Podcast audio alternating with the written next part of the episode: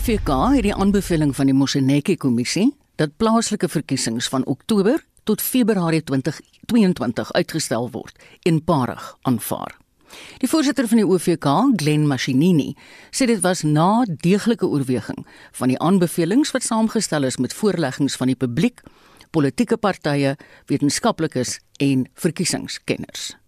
The commission in response unanimously accepts the findings of the Musineke report. In particular, the commission notes the rational and central thesis of the report that community immunity through mass vaccination must be considered as a desirable step in the conduct of a safe, free and fair elections in the Republic. Glen Mashinini, die voorsitter van die OVK, sê dat hy inderdaad die voormalige adjunk hoofregter, die Gang Moseneke, se aanbeveling aanvaar dat die munisipale verkiesings tot Februarie 2022 uitgestel word. Die verkiesings sou op 27 Oktober vanjaar plaasgevind het. Die OFK moet nou regterlike magtiging soek om die verkiesing uit te stel. Die adjunk voorsitter van die OFK, Masego Shiburi, is besig om regsadvies te kry oor watter hof hy moet nader. The Constitutional Court will have jurisdiction to the extent that this matter raises weighty constitutional matters. However, the court takes a dim view on being approached as a court that sits as a court of first and final instance. It wants to hear the matters be vindicated first at a lower court before it is approached. However, it is notionally possible that we could approach the Constitutional Court, but you must make a case for direct access to that court and demonstrate that your matter is that of a constitutional nature. Sou die howe nie hiervoor te vind wees nie, dan is 'n ander roete om die grondwet te wysig. The constitutional amendment route is a lengthy route. It requires 75% or supermajority of members of the National Assembly. It would also require support by at least six of the provinces. If you look at the submission of political parties, political parties have taken two divergent views. There are those who want elections to proceed. There are those who think election cannot proceed because they won't be free and fair. That alone should tell that a constitutional amendment, while notionally possible, may not be plausible given that political parties who must sponsor it and support it in the National Assembly are divided on the matter. Mashinini sê die kommissie sal nou met die minister van samewerkende regering, Nkosazana Dlamini Zuma, die tesourie sowel as politieke partye raadpleeg. Hy sê ook dat die OVK sy verkiesingsskedule sal moet aanpas om 'n nuwe datum te implementeer. Dit begin met die uitstel van die nasionale registrasieweek wat op die naweek van 31 Julie en 1 Augustus sou plaasvind. The deferral of the registration weekend scheduled for the 31st of July and 1st of August to enable the steps necessary for the preservation of lives of the members of the electoral staff, political party agents, observers, and voters who will ordinarily be in attendance at the 23,151 registration stations. And this decision is grounded on the epidemiological projections advanced in the Musineke report, as well as the current persisting high levels of COVID-19 infections. Politieke partye het die besluit van die OVK in die algemeen aanvaar en sommige, soos die DA, sê dat hulle die kwessie fyn sal dophou om te verseker dat die plaaslike verkiesings wel op die vroegste moontlike tyd plaasvind wanneer dit veilig is om dit te hou. Hierdie verslag van Bosi Chimombe van ons politieke redaksie. Ek as Vincent Mufokeng vir SAK nuus. En soos ons nou daar gehoor het, sal die DA hulle oog op die saak hou. Kom ons luister wat die party se nasionale woordvoerder, Sifiwe Gwarube, te sê gehad het. As a Democratic Alliance, we will be monitoring this process very closely because it has been our contention that local government elections must go ahead to give South Africans the opportunity to elect their local leaders as per the Constitution. Therefore, we will be studying the process that the IEC will be following to ensure that it is within the constitutional provisions and to ensure that the process is in fact acceptable as per the Constitution. And on that basis, we will then make a decision on the next steps to follow. Dit was die DA se nasionale woordvoerder, Sifiwe Gwarube. Die grondwetkenner, professor Pierre de Vos van die Universiteit van Kaapstad, het intussen gewaarsku teen 'n hals oor kop besluit oor die uitstel van vanjaar se plaaslike verkiesing. Dit volg na 'n aanbeveling ten gunste hiervan vroeër die week van die afgetrede adjunk hoofregter Dikgang Moseneke. Die aanbeveling is basies dat dit baie moeilik of dalk onmoontlik gaan wees om 'n ten volle vrye en regverdige verkiesing te hê in Oktober. Eerstens omdat dit uh, dalk mense se lewens in gevaar sal stel wat COVID gaan kry en tweedens omdat dit moeilik gaan wees vir die politieke partye, veral kleiner partye om aan die verkiesing self tog deel te neem en so dit sou vereis dat daar verandering van die grondwet moet plaasvind, maar regter Moseneke sê dis miskien nie aanvaarbaar nie, daar's ook 'n probleem met hoe lank dit sou vat. So hy stel voor dat die verkiesingskommissie na die hof toe gaan, ja waarskynlik grondwetlike hof, en hulle vra om te beveel om 'n uh, bevel uit te reik dat daai bepaling in die grondwet wat sê die plaaslike regering ophou gaan bestaan in 1 November dat dit opgehef moet word. So dis basies om die hof te vra om 'n artikel in die grondwet ongeldig te maak vir 'n paar maande. So so te sê. So dis 'n baie 'n aardige voorstel vir ek vermoed. Hmm. Jy waarskynlik ook teen die grondwetlike slaggate van 'n uitgestelde verkiesing, né? Nee? So vertel ons 'n bietjie meer daarvan.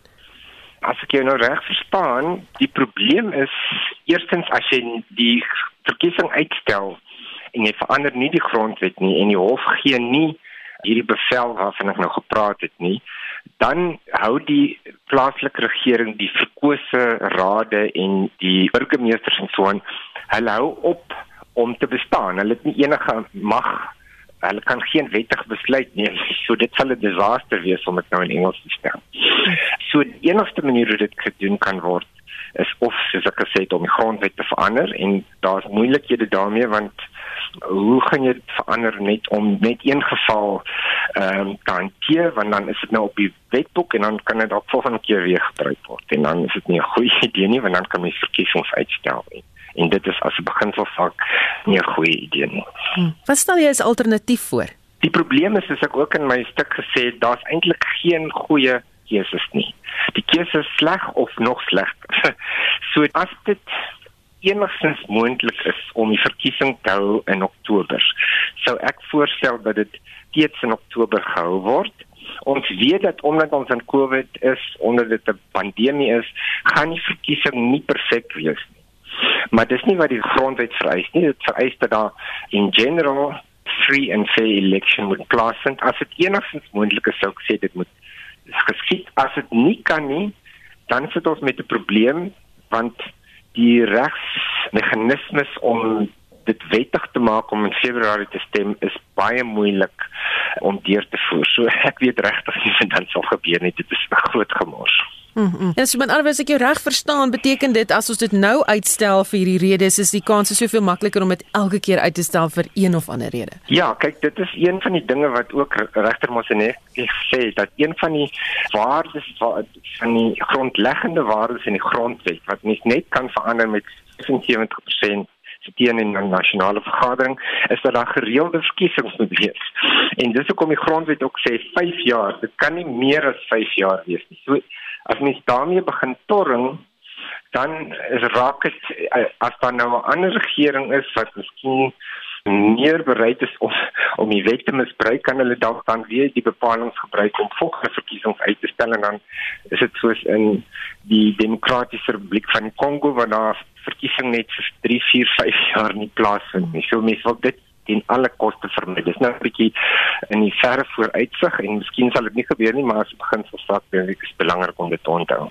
So sê professor Pierre de Vos, Pierre bekleed die Claude Leon Stichting se leerstoel in grondwetlike regeringskunde aan die Universiteit van Kaapstad en hy was 'n gesprek met Susan Paxton, my kollega van Spectrum. Ons bly by hierdie saak en ek praat nou met die politieke ontleder en voormalige parlementslid Dr Pieter Mulder. Hallo Pieter. Goeiemôre Marietta. Pieter, ek wil enigsins van jou weet, sommige partye soos byvoorbeeld die DA was baie sterk teen die uitstel van die verkiesing gekant. Hoekom? Wel ek dink professor De Vos is uh, reg in die opsig dis uh, dis 'n groot risiko. Ek sou verkies om nie die grondwet te wysig nie. Hy het 'n voorbeeld genoem van die Kongo. Miskien moet ek 'n ander uiterste voorbeeld noem. Ek weet dis die uiterste, maar dit is maar altyd die beste om op die uiterste te werk. Kom ons gaan aan 1933 toe in Duitsland. En daar word Hitler verkies 5 Maart 1933 demokraties uit verkies uitelik en toe brand die parlementsgebou af en hy beweer dis die kommuniste.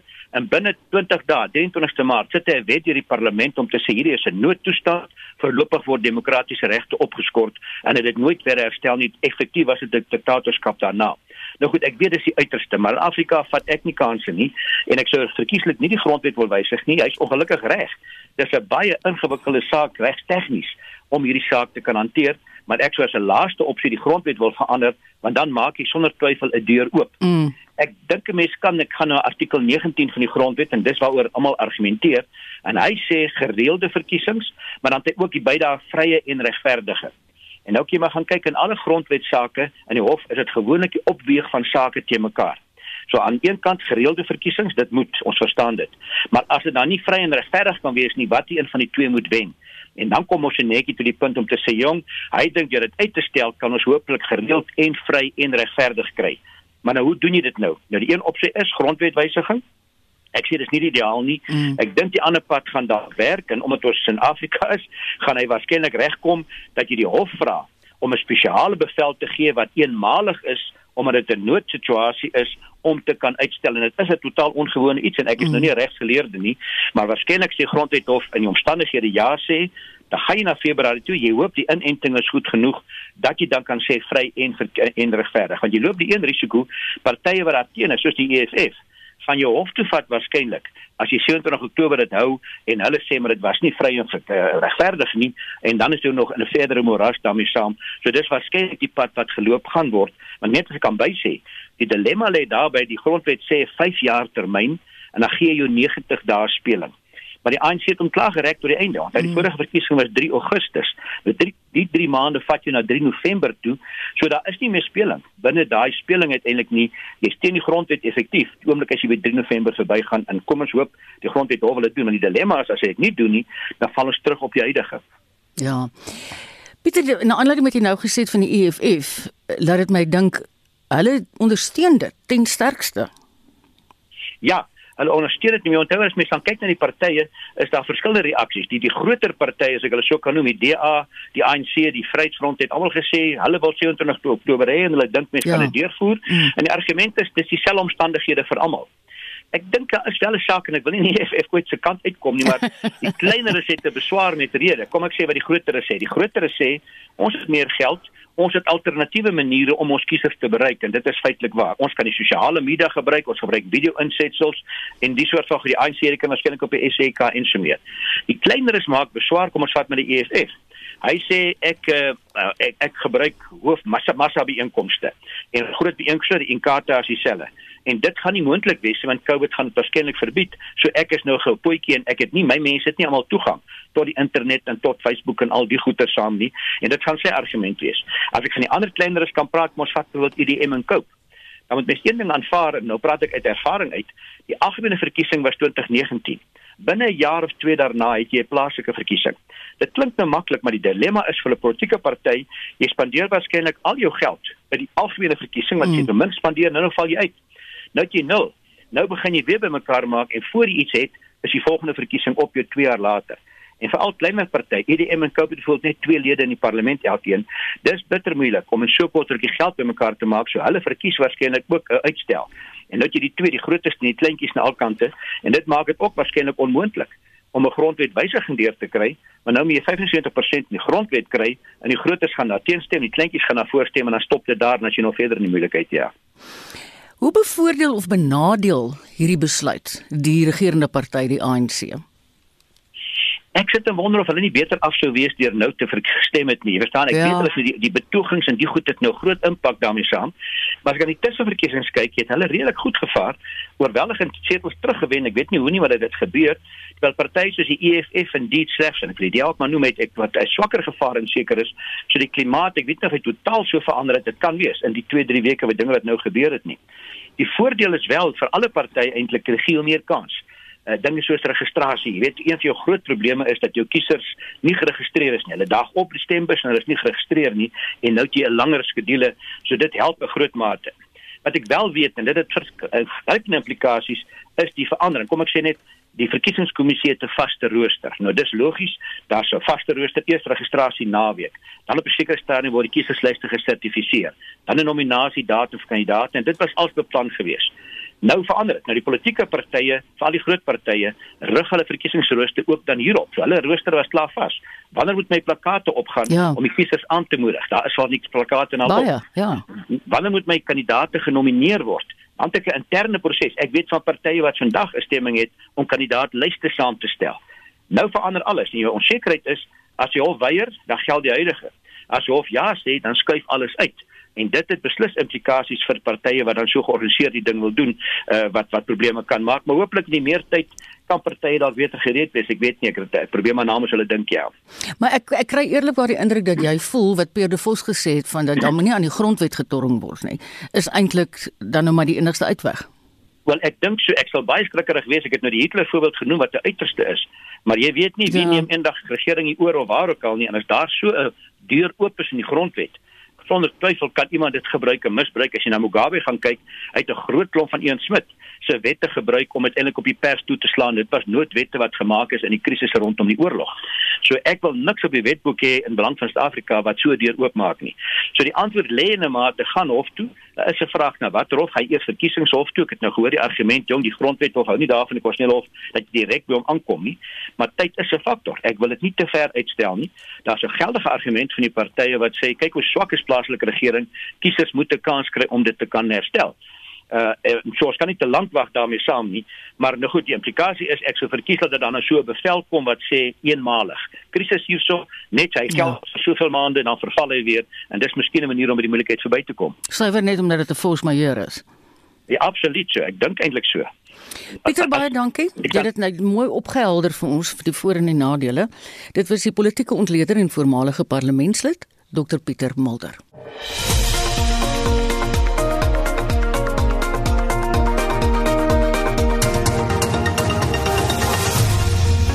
Is ingeskakel op RC en jy luister na die program Naweek Aktueel. Die landbousektor het van diesweek die verklaring van die nasionale rampbestuursentrum verwelkom dat boere in die droogte getuieerde gebiede in die Wes, Noord en Oos-Kaap gehelp gaan word. Die nasionale rampbestuursentrum het 'n beroep op staatsinstellings gedoen om bestaande strukture te versterk en noodplanne teen die ramp te aktiveer. Andrea Kamfer, die ramp- en risikobestuurder van Agri SA, sê dit is 'n positiewe stap van die regering om die lot van hierdie gebiede te erken. Agri SA verwelkom die nasionale droogterampverklaring wat deur die Nasionale Rampopsentrum op 20 Julie gepubliseer is. Dit is vanweë gebiede in die Oos-Kaap, Noord-Kaap en in die Wes-Kaap al tussen 6 en 9 jaar lank gebuk gaan onder hierdie uitmergelende droogte. Deur hierdie rampverklaring sal provinsiale en plaaslike regerings nou begrotings moet herprioritiseer om die ramp aan te spreek en wanneer daar nou nie genoegsame begroting is om die omvang van die ramp die hoof te bied nie, dat nasionale hulpbronne beskikbaar gestel sal word. Maar tans weet ons nie hoeveel geld beskikbaar gestel gaan word deur Tesorie nie, maar dit is uiters belangrik dat provinsiale rampbestuursentrums inligting versamel en dan te rapporteer aan die nasionale rampopsentrum. Maar daarbenewens is dit ook krities dat georganiseerde landbou by hierdie provinsiale strukture die nodige inligting en die omvang van die droogtes behoorlik oor sal rapporteer. Andrea sê vir ons hoe groot is die nood om droog te help? Wanneer landbouprodusente tussen 6 en 9 jaar lange droogtes in die gesig staar, dink ek die finansiële impak wat dit het op 'n boerdery nie net toegeskryf kan word aan miljoene rande se verliese nie, maar aan miljarde rande. Agri SA het spesifiek al sedert 2016 al 30 miljoen rand se fondse deur ons provinsiale affiliate aan hierdie gedroogte getuieerde areas geskenk. En dit is net een organisasie. Maar droogte het nie net 'n finansiële impak nie, maar dit gaan ook gepaard met humanitêre hulp of geestesgesondheid. Dit is broodnodig dat die privaat sektor dan intree wanneer die publieke sektor of die staat nie vinnig genoeg hulp aan hierdie boere kan voorsien nie. Hoe erg het die pandemie boere verder getref en wat was die impak op voedselsekerheid? Die COVID-19 pandemie, saam met die vertraging in die uitrol van die aanvanklike nasionale inentingsprogram, Ook die biokratiese rompslomp en onvoldoende begroting vir droogtehulp deur die regering het boere en plaaswerkers in hierdie droogte getuieerde areas van 'n lewensbestaan ontneem. Maar ons moet ook in gedagte hou dat dit nasionale voedselsekerheid demper en ook werkloosheid tot gevolg kan hê. So die effek wat die COVID-19 pandemie het saam met droogtes het alles 'n ripple effek op die lewensbestaan van ons landbousektor, die vermoë om werkskepping daar te stel en natuurlik ook die klein dorpies, ons plaaslike ekonomie in hierdie areas weer aan die gang te hou. Dan laastens Andrea, die Weskaap het onlangs goeie reënval gekry. Is dit steeds nodig om droogtehulp te kry? Wanneer landbouprodusente tussen 6 en 9 jaar lange droogtes in die gesig staar, dink ek die finansiële impak wat dit het, het op 'n boerdery nie net toegeskryf kan word aan miljoene rande se verliese nie, maar aan miljarde rande. Agri SA het spesifiek al sedert 2016 al 30 miljoen rand se fondse deur ons provinsiale affiliate aan hierdie gedroogte getuieerde areas geskenk. En dit is net een organisasie. Maar droogte het nie net 'n finansiële impak nie, maar dit gaan ook gepaard met humanitêre hulp of geestesgesondheid. Dit is broodnodig dat die privaat sektor dan intree wanneer die publieke sektor of die staat nie vinnig genoeg hulp aan hierdie boere kan voorsien nie. Vincent het gepraat met Andrea Kamfer, die ramp- en risikobestuurder van Agri SA. Die direksievoorsitter van die landbouorganisasie SAI, Dr Theo de Jager, skryf in 'n artikel dat daar goeie redes is waarom die ramphulpbeweging wat buite die staat funksioneer, nie by die regering se bedrywighede betrek wil word nie. Die jager skryf in die artikel dat ramphulp en dit sluip hulp in wat na die onluste in KwaZulu-Natal en Gauteng gelewer word, hoofsaaklik deur nie-regeringsorganisasies en die privaat sektor gedoen word. Die jager is nie op die oomblik vir 'n onderhoud beskikbaar nie, maar ons praat met die uitvoerende hoof van SAI, François Rousseau. Goeiemôre François. Goeiemôre en goeiemôre aan die luisteraars. Hoekom sê julle ouens dat die staat van ramphulpbedrywighede definitief weggelaat moet word? Kyk, dis nie dat ons sê hulle moet weggelaat word nie. Ons sê hulle is reeds afwesig. Um en daar's drie goeie redes daarvoor hoekom organisasies en strukture buite die regeringssfeer besluit het om self rampehulp te doen. Um en en jy weet ons ons som die redes op in in in drie kategorieë. Die eerste is uh korrupsie, selfverryking en die ondoeltreffendheid van die staat om op te tree. Um wanneer en en en die die oneffektiwiteit van hulp as die staat jou vernoot is in in daai omgewing. Ons kan sien dat hulle nie mobiliseer nie. Daar was vergaderings aangekondig uh, veral toe COVID aangekondig is met die uh, brande in die Noord-Vrystaat.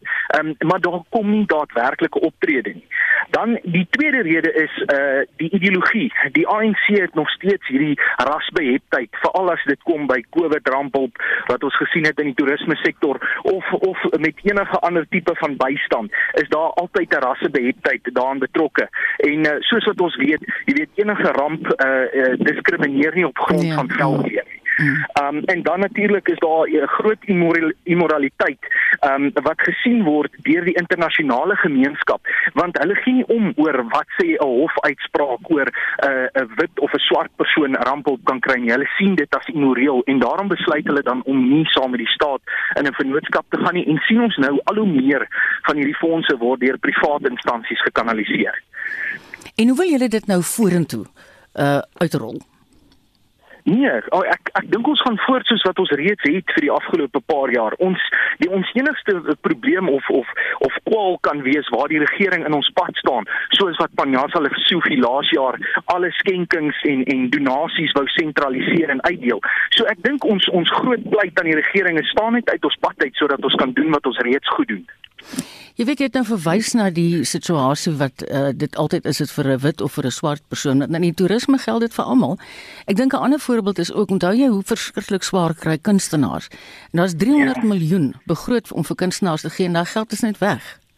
Ja, dit is dit is weer eens. En weet jy wat ehm um, daai daai video's wat tydens Covid tydperk versprei is van van donasie donasies wat afgelewer is by ANC amptenare se mm. huise. Daai video's is nog steeds op die top soekresultate as jy praat van uh, regering hulp uh, gedurende Covid of of enige ander vorm van hulp wat hulle gebied het. En die ANC het nog geen antwoorde daarvoor gegee nie. Uh die regering het nog steeds geen studie uitgereik wat sê hoe hulle nepotisme of uh selfverryking of of bloot net dat hulle steel gaan kan keer uh, as hulle betrokke is by hierdie aksies nie. So ek ek dink dit is beter dat uh ons hierdie hierdie inisiatiewe self uitrol en bestuur. François baie dankie. Dit was die uitvoerende hoof van SAI, François Rousseau. 'n Gesamentlike landbouontwikkelingsprojek wat organisasies soos SAI en AfriForum insluit, het die eerste mielieoes begin stroop. Die projek staan bekend as Boefitilelo Koöperatief en is in 2017 gevorm om voordeel te trek uit die een huishouding 1 hektaar program van die departement van landbou, grondhervorming en landelike ontwikkeling. Ons praat nou met AfriForum se hoof van interkulturele samewerking, Barend Uys. Hallo Barend. Goeiemiddag en middag aan die luisteraars. Barend presies wat behels hierdie projek? Wat die projek behels is hierdie koöperatief soos wat jy gesê het is in 2017 gevorm en hulle het toe 'n eerste oes afgehaal in die 2019-2020 plantseisoen. Um, en wat dit besonder maak is buiten die mielies wat die regering vir hulle geplant het, het hulle 'n ekstra 20 hektaar mielies en groente geplant. En met ander woorde, hulle het reeds toewyding gewys en hulle het reeds gewys dat hulle wil en dat hulle kan. En hmm. toe het ons betrokke geraak, die verskillende rolspelers, um, om te verseker dat hulle ook in hierdie plantseisoen wel 'n oes kon hê omdat hulle sonder verdere steun van die burgerlike samelewing en die en sakelei nie sou kon 'n volgende oes insit nie. So dit is hoe ons betrokke geraak. En wie's almal hierby betrokke? En dit is 'n dis 'n baie lekker storie. Daar's baie mense betrokke. So die die plaaslike koöperatief van die klein nedersetting Nogaspouse binne Tabansho is natuurlik nou die mense op die grond en dan is Afriforum betrokke, Pioneer Seed Suid-Afrika het vir ons die uh, saadgeborg saai is betrokke. Agriol Africa is saai se implementeringsvernoot. So hulle is verantwoordelik vir die meeste bystand die operasionele bystand hmm. van dag tot dag die koördinering van die plaaslike kommersiële boere wat baie help met toerusting en mentorskap en dan ook um Purposely Ignited help ons bietjie om die projekte koördineer en dan het ons ook skenkings van ander dinge gehad soos die plaaslike Agrico tak um, met ons gehelp met die beplanning van die besproeiing wat ons hoop om in 'n volgende fase gedoen te kry. Um Bosveld Chickens het vir ons het vir die gemeenskap bietjie hoenders geskenk. Laveld Agrochem het saak saad geskenk sodat die mense ook groentetuine in hulle erwe kon hê. Hmm. So nee, daar's baie rolspelers betrokke. En Barend, waar presies is hierdie grond? As mens oos uit Bloemfontein uitry, dan mm -hmm. kry mens um Tabanshu, dit is 'n dorp, maar dit is eintlik 'n 'n groot gebied met 'n baie ou geskiedenis en dan binne in die Tabanshu gebied, um suid van die nederspan van die dorp Tabanshu is daar daar's verskeie dorpies kan mens sê binne die gebied of villages en een van hulle is Nogas Post. So dit is 'n klein landelike nedersetting met 'n plaas. So mens kan so sê dit is suidoos van Bloemfontein. Goed. Wie gaan almal hierby baat vind? Man, ek, ek wil so ver gaan om te sê al die gemeenskappe in die land. Natuurlik is daar die mense wat nou direk by die projek baat vind, is die mense wat nou natuurlik plaaslik bly daar binne in Nogas Post. Maar hierdie is natuurlik nou baie meer as dit want in as mens mooi daarna kyk dan is dit ek dink dit is op 'n manier ook 'n eerste want dit is ons het hierso sakelei wat betrokke is kommersiële boere um, burgerlike instellings en die plaaslike gemeenskap. En ons het nou gewys dat as mens saamwerk op die grondslag van wederwysige erkenning en respek en mens bou die regte verhoudinge en mens bou vertroue dan kan mens uiteindelik sukses bereik. So dis vir ons die begin van iets baie groot. Ons het natuurlik baie groot drome vir hierdie projek spesifiek. Ehm um, daar's nog baie potensiaal. Die projek kan baie uitgebrei word en ons hoop mense word nou meer geïnspireer en meer mense raak betrokke. Maar natuurlik wil ons verskriklik graag ook ander sulke projekte gaan doen in ander gemeenskappe want natuurlik is daar 'n reuse behoefte om werklik mense in staat te stel om selfstandig te wees en om vir hulle self welvaart te skep. En ek dink dis belangrik om te verstaan mm. um die wat mense hier probeer bereik is, mense probeer goeie verhoudinge tussen verskillende kultuurgemeenskappe bou. Hoe jy dit doen is jy werk saam en jy bou deur daai samewerking um goeie verhoudings en dan die tweede ding is natuurlik om om die mense die vermoë te gee om welvaart te skep. En as mens so 'n projek aanpak en en ons het baie uitdagings beleef. Ons het verskriklik baie reën gehad op 'n stadium met die water opgestoot tot in die lande, uitdagings met toerusting en 'n klomp goed. Maar as mens so saam as 'n span deur hierdie goed werk, dan bou mens regtig ja. goeie verhoudinge, mens skep vertroue en dan begin die mense weer hoop kry dat dat daar mm. regtige maniere is om vir jouself te kan sorg en nie van die regering afhanklik te wees. Baie dankie en sterkte met julle projek. Dit was Afriforum se hoof van interkulturele samewerking, Barend Uys.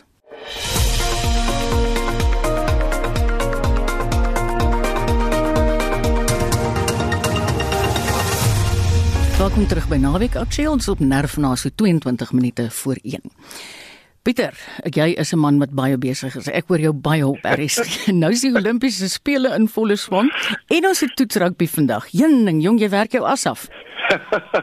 ek wil net gou vir jou sê Marita, soos wat jy met my gesels is, is in die swembad regstreeks waar Suid-Afrika uh se dametjie nou, dit is 'n uh, Erin Gallagher, so pas uh voltooi het maar soos in sekondes dat die muur geraak het maar sy's ek skat in die sewende plek gewees so dit was in haar uitding gewees vir die 100 meter borsslag so sy sal nie deurgaan na die halfeind toe nie. Ja wie jy Marita daar is baie baie dinge. Kom ons loer gou na die Olimpiese spele gister die openingsseremonie natuurlik en uh, nou ja dit was uh, tradisionele drag en maskers vir die deelnemers wat as die orde van die dag was en geen toeskouers in die stadion nie maar 'n baie indrukwekkende openingsseremonie en uh, ek moet sê daar die uh, uh, hommeltuie met die ligte aan wat die logo gevorm het mm. bo die stadion was absoluut uh, briljant geweest en natuurlik vir Suid-Afrika het Chad Leclerc en Pomelela Mbanda die uh, die vlag gedra en uh die vlam is aangesteek deur Naomi Osaka, die 4 keer Grand Slam tenniskampioen. Maar wat vandag aan betref, dis die fietswedren oor 234 km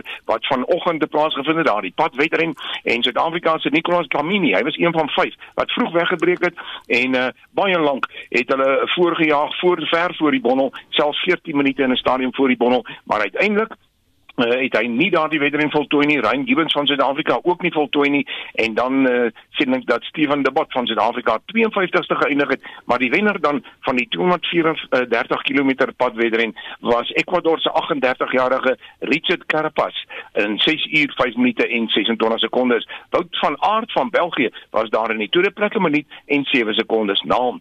Dan in judo het uh, Gorenay Michela ehm um, uh, Michaela uh, uh, White Boy van Suid-Afrika in die 48 kg afdeling uh, pak gekry in haar eerste geveg sy het met 'n Ippon verloor teen Argentinië se Paulo uh, Barreto. Dan en kom ons beweeg na die roei toe. Nie 'n goeie dag vir Suid-Afrika wat die roei aanbetref nie. Ons het in die vierde het ons vyfde in ons uitding geëindig, weliswaar deur gegaan na daardie uh, sogenaamde ekstra uitding wat geplaas het, maar ons was 31 sekondes na Australië wat die wenners was in daardie uitding.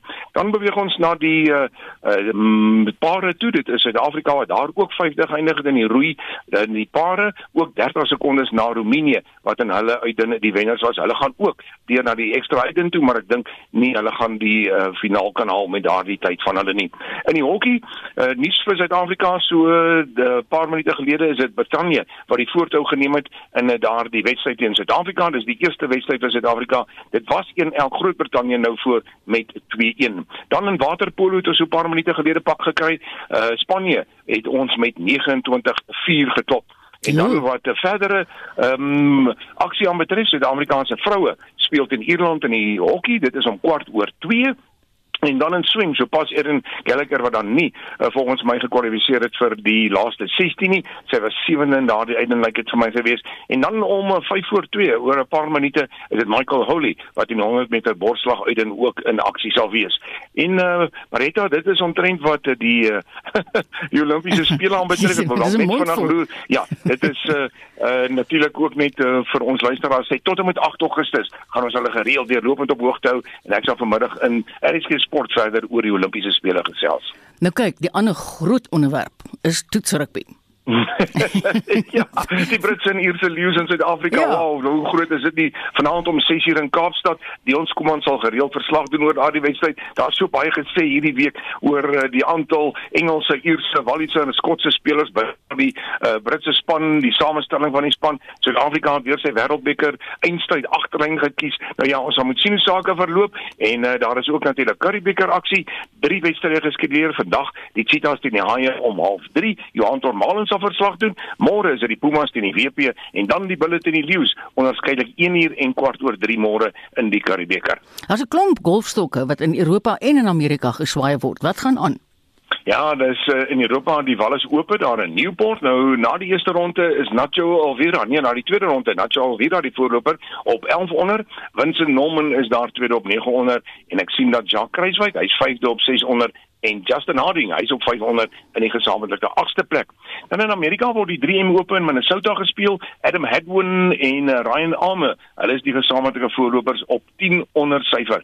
Charles Swartsel op 709de en Louis Oosthuizen, hy's daar 19de op 600. En dan by die vroue toernooi is dit die Evian kampioenskap wat gespeel word en dis die 5de major in golfbasis daar in Frankryk aan die voet van die Alpen. Die derde ronde is reeds aan die gang en uh, die voorloper na die tweede ronde was Jungin Lee van Korea op 1500 sy's drie houe voor die twee spelers van Thailand, Jananukern en Narakern en dan sien ons dat uh, Paula Reto sy 36ste op 200 en Ashley Bohai is op 3 oor syfer. Nou kom ek en jy sluit af met cricket. Die Protea cricketspan loop nou op die oomblik 2-0 voor in die T20 reeks teen Ierland. Watter ander cricket word ook gespeel?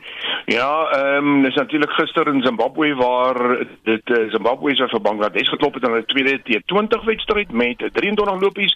Dan het Sri Lanka 'n driepaaltjie oorwinning behaal oor Indië. Dit was in hulle derde eendagwedstryd.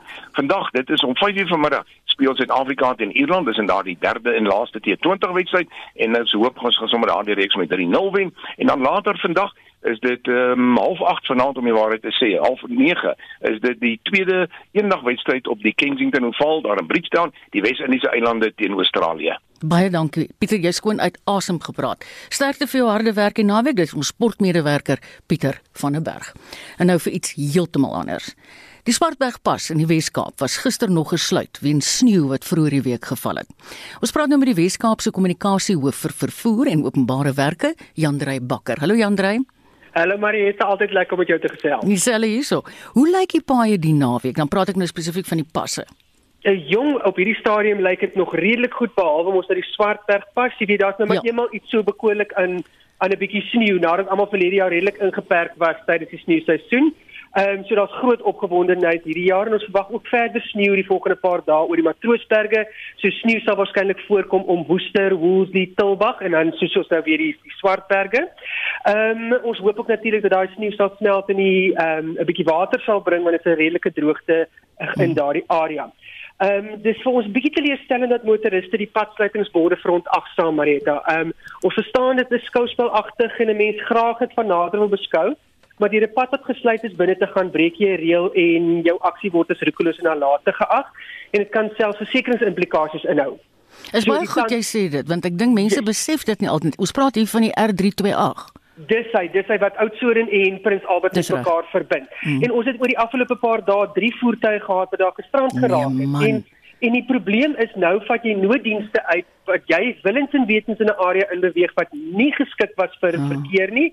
Nou sit jy ekstra druk op hier op nooddienste. So ek dink die ouens moet asseblief drink 'n koffie by 'n gasteplaas of een van die restaurante op pad, kyk nou om, draai om waar die pad gesluit is en uh, jy weet wie is verantwoordelik.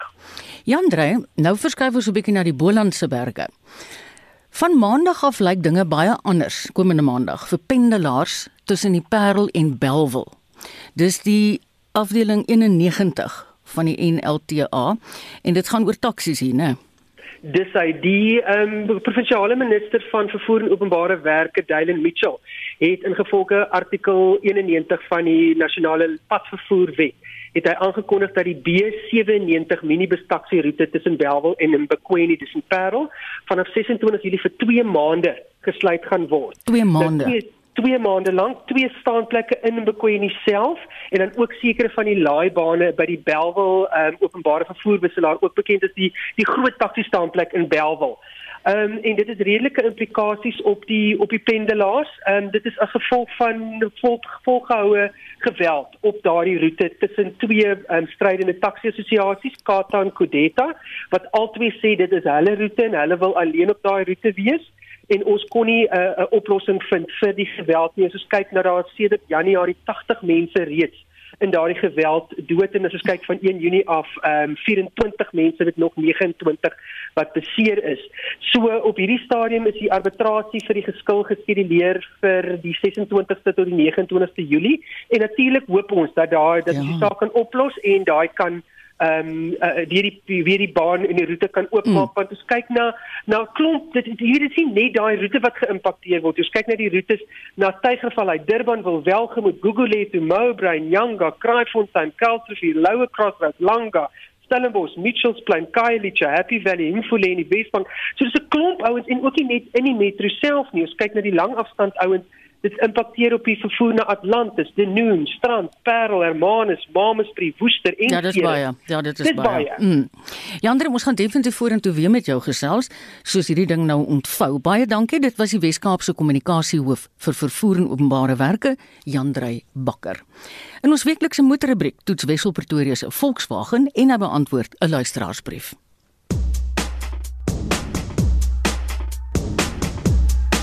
Met dit dat ek pas Volkswagen se karavel getoets het, dink ek terug.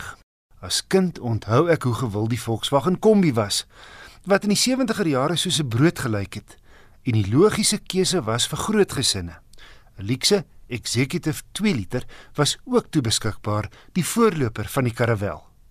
En toe in die 80er en 90er jare die meer hoekige mikrobus. David Kramer het met sy rooi vellies in TV-advertensies die goedkoper Volksie bus geliefd gemaak. Maar die Caravelle was die gesogte model met kragstuur, ligversorging, alloy wiele en meer krag. Later jare het hy met 'n Audi 5-silinder 2.6 met petrolinspuiting uitgedraf.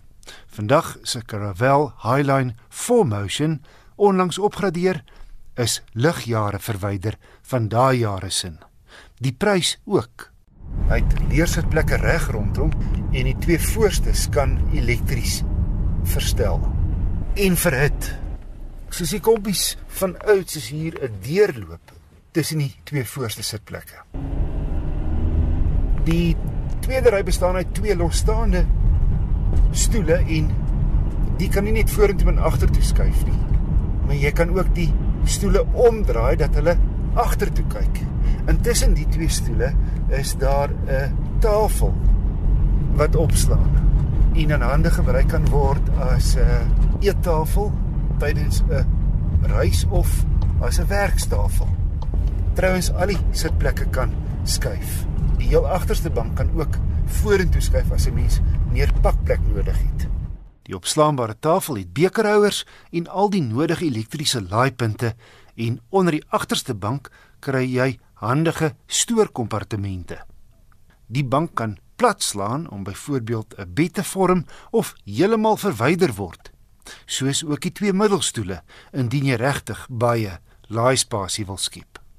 En Lixbinne met Volkswagen se jongste en beste inligting, vermaak, verbindings en ander tegnologiese kenmerke, insluitend navigasie en 'n koordlose slimfoon laaistasie ook 'n magdom veiligheidskenmerke. Die sydeure maak jy met die druk van 'n knop oop. Die aksie kan jy met die druk van 'n knop voor in die paneelbord doen of met die handvatsel aan die sydeur self of met die sleutel van die voertuig. Ook die heel agterste klap maak met die druk van 'n knop oop op die sleutel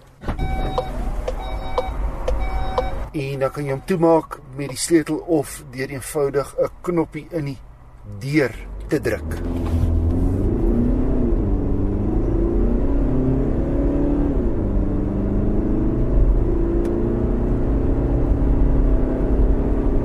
Die Caravelle se 2 liter met 2 turbos is gesofistikeerd vir 'n diesel. 146 kW en 450 Nm wrinkrag sorg vir lewendige verrigting terwyl die sewe spoed outomaties seepglad skakel.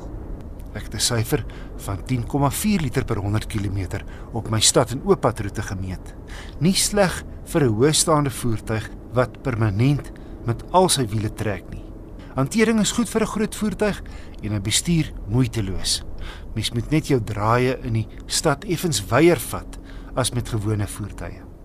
Negatiefs: die ritgehalte is nie so goed op 'n rowwe pad as wat ek verwag het nie.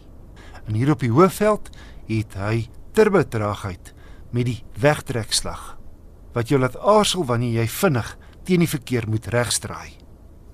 My gevolgtrekking: Volkswagen se Caravelle Highline 4Motion is besonder veelsuidig en prakties. 'n Groot sportnuts se derde ry is tipies nie groot genoeg vir volwassenes nie en laat min pakplek wanneer opgeslaan. Die Caravelle kan sewe groot mense vervoer en dan's daar plek vir bagasie. Vandag se nuwe kombies is egter nie meer middelklas vervoer nie. Die goedkoopste relatief basiese kombi kos al 728000. Hierdie luukse karavel jaag welafgesinne of 5-ster hotelle wat hul gaste in weelde wil vervoer. 1,184 miljoen rand uit die sak. Luisteraar, Henny van Kuilsrivier, skryf hy het iewers gelees dat 'n duplikaatsleutel vir 'n motor R200 kos en as ook jou spaarsleutel verlore is, dit jou R2000 kan kos. Is dit waar? En hoekom sou die vervanging so duur wees? Kom ons hoor hoe antwoord Nicolou. Hy's 'n tegniese konsultant en die besigheidsontwikkelingsbestuurder by SVU Gepantserde Voertuie. Voordat ons daaroor praat, moet ons net eers kyk na die sleuteltegnologie want dit het soveel verander oor die laaste paar jare. As ons kyk na ons ouer voertuie, het hulle fisies net 'n metaalsleutel gehad met 'n paar groefies op en 'n patroon. So om een van daai sleutels te dupliseer was redelik eenvoudig. Jy het net gevat na die mense wat die sleutel sny. Hulle kies dan wat jy in Engels noem 'n blank met dieselfde groefies en dan kan hulle die patroon fisies oordra van die een sleutel na die ander een toe. En dan is jou sleutel daar. Jy kan die deur oopsluit, jy kan jou enjin aanskakel. Maar wat nou gemaak as jy daai sleutel heeltemal verloor het jy het glad nie 'n spaarsleutel wat hulle kan afkopieer nie? In daai geval moet hulle dan jou ignisie slot uitmekaar uitmaak. In Engels noem jy dit die barrel. So waar 'n gewone duplikaatsleutel gewoonlik die koste so by sê nou maar R100 is, is dit heelwat moeiliker as jy geen sleutel het nie. Jy moet daai ignisie slot oopmaak. Jy moet kyk wat se groefies word benodig en wat se patroon wat dan gaan benodig word om daai ignisie dan aan te sluit. En dis hoekom die koste soveel sal opgaan. As ons kyk na die moderne sleutels, het alle moderne sleutels gewoonlik 'n chip in wat dan 'n sein kan uitstraal. So die voertuig tel daai sein op en daai sein moet dan ooreenstem met die kode wat dan in die voertuig se beheereenheid geprogrammeer is anders gaan die voertuig nie aanskakel nie. Baie van vandag se sleutels is ook wat ons noem sleutelvry, so jy kan fisies die sleutel net in jou sak hou en na die voertuig aangeloop kom en as jy die handvatsel raak, dan gaan die sleutel die voertuig dan kan oopsluit jy kan inklim en jy hoef ook nie meer die sleutel baie keer in 'n ignisieslot in te steek nie. Jy kan fisies net 'n knoppie druk uh, op die paneelbord en so die voertuig dan aanskakel. So een van daai sleutels as hulle wegraak en jy dan nog die spaarsleutel, dan kan jy hom ook vat vir hierdie moderne plekke wat die sleutels kan kopieer en hulle kan hom wat hulle noem daai sleutel dan kloon deur die kode wat op die spaarsleutel is oordra op 'n nuwe ene. Weereens as daai sleutels almal weg is, dan moet hulle daai kode um kry uit die voertuig se beheereenheid uit en dit is ook natuurlik 'n proses wat baie kostes gaan behels en ook 'n ingewikkelde proses is. Die maatskappye wat dit kan doen moet natuurlik ook sekuriteitsklaring hê om al hierdie tipe van operasies te doen omdat dit so sensitief is veral in 'n land soos ons land waar diefstal nogals groot is. So ja, eenvoudige sleutels, eenvoudige koste, duurder sleutels, duurder koste. Een van daai sleutels met kodes te vervang kan uh, om die kode oor te dra kan 'n paar duisend rand wees. As jy so sleutel by 'n vervaardiger moet kry, kan jy praat van 8 na 10000 rand vir van hierdie moderne kar sleutels. So antwoord Nicolou. Hy's 'n tegniese konsultant en die besigheidsontwikkelingsbestuurder by SVU Gepantserde Voertuie. Stuur gerus enige motornavraag na my my e-posadres is wissel@rsg.co.za. wissel@rsg.co.za.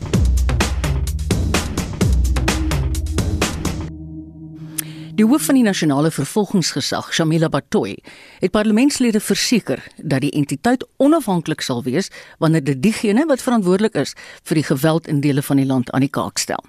Meer as 300 mense het weens die geweld en plundering in dele van KwaZulu-Natal en Gauteng gesterf. Betooi het voor die parlementêre komitee oor justisie verskyn om te bespreek hoe verdagtes in hierdie saak vervolg sal word en het benadruk dat die NVG slegs feite en getuienis sal volg. Zelin Merrington Wetstoepassers sê hulle is daartoe verbind om te verseker die wat agter die geweld en plundering sit, word gestraf. Die NVG sê terwyl hulle regstellende geregtigheid sal toepas waar nodig, gaan die wat die chaos beplan het, definitief aan die pen ry. NVG hoof Shamila Patoy sê hulle sal net konsentreer op die getuienis. Where we are also highlights if it wasn't clear enough before the real importance of having a truly independent national prosecuting authority. A lot is being said in the public space about arrests and perpetrators, about inciters, etc. But we want to really make it clear that the NPA is clear about its mandate and that the NPA takes instructions from no one. We follow the evidence and we proceed accordingly. Sy het bygevoeg dat die wat skuldig bevind word gestraf sal word volgens die misdaad.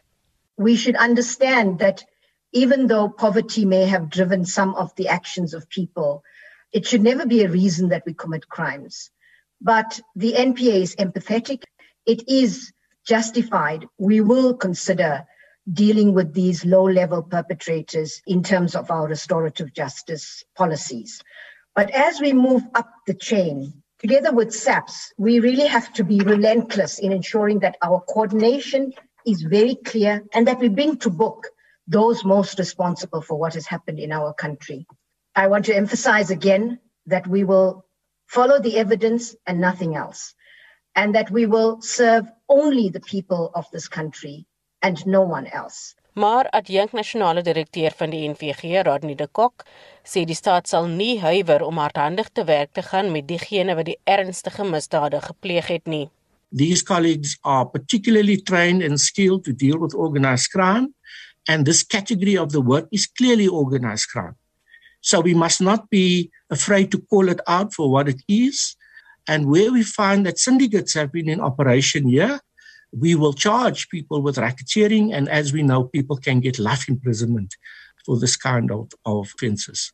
Where there's evidence that justifies offenses, that may fall well within the Terrorism Act. When we see that there's evidence that justifies prosecutions in terms of these provisions, the state will not hesitate to prosecute. Dit was die adjunkt nasionale direkteur van die NVG, Rodney de Kok, Zelin Merrington, Parlement. En dit is aan naweek aktueel se uitsending vir Saterdag 24 Julie. Hoop jy dit geniet. Namens my sellers en Johan Pieterse en Hendrik Martin. Hoop jy geriet geniet die res van die naweek in die geselskap van RSG. Renske sit gereed met die 1 uur nuus. Mooi loop, bly gesond. Totsiens.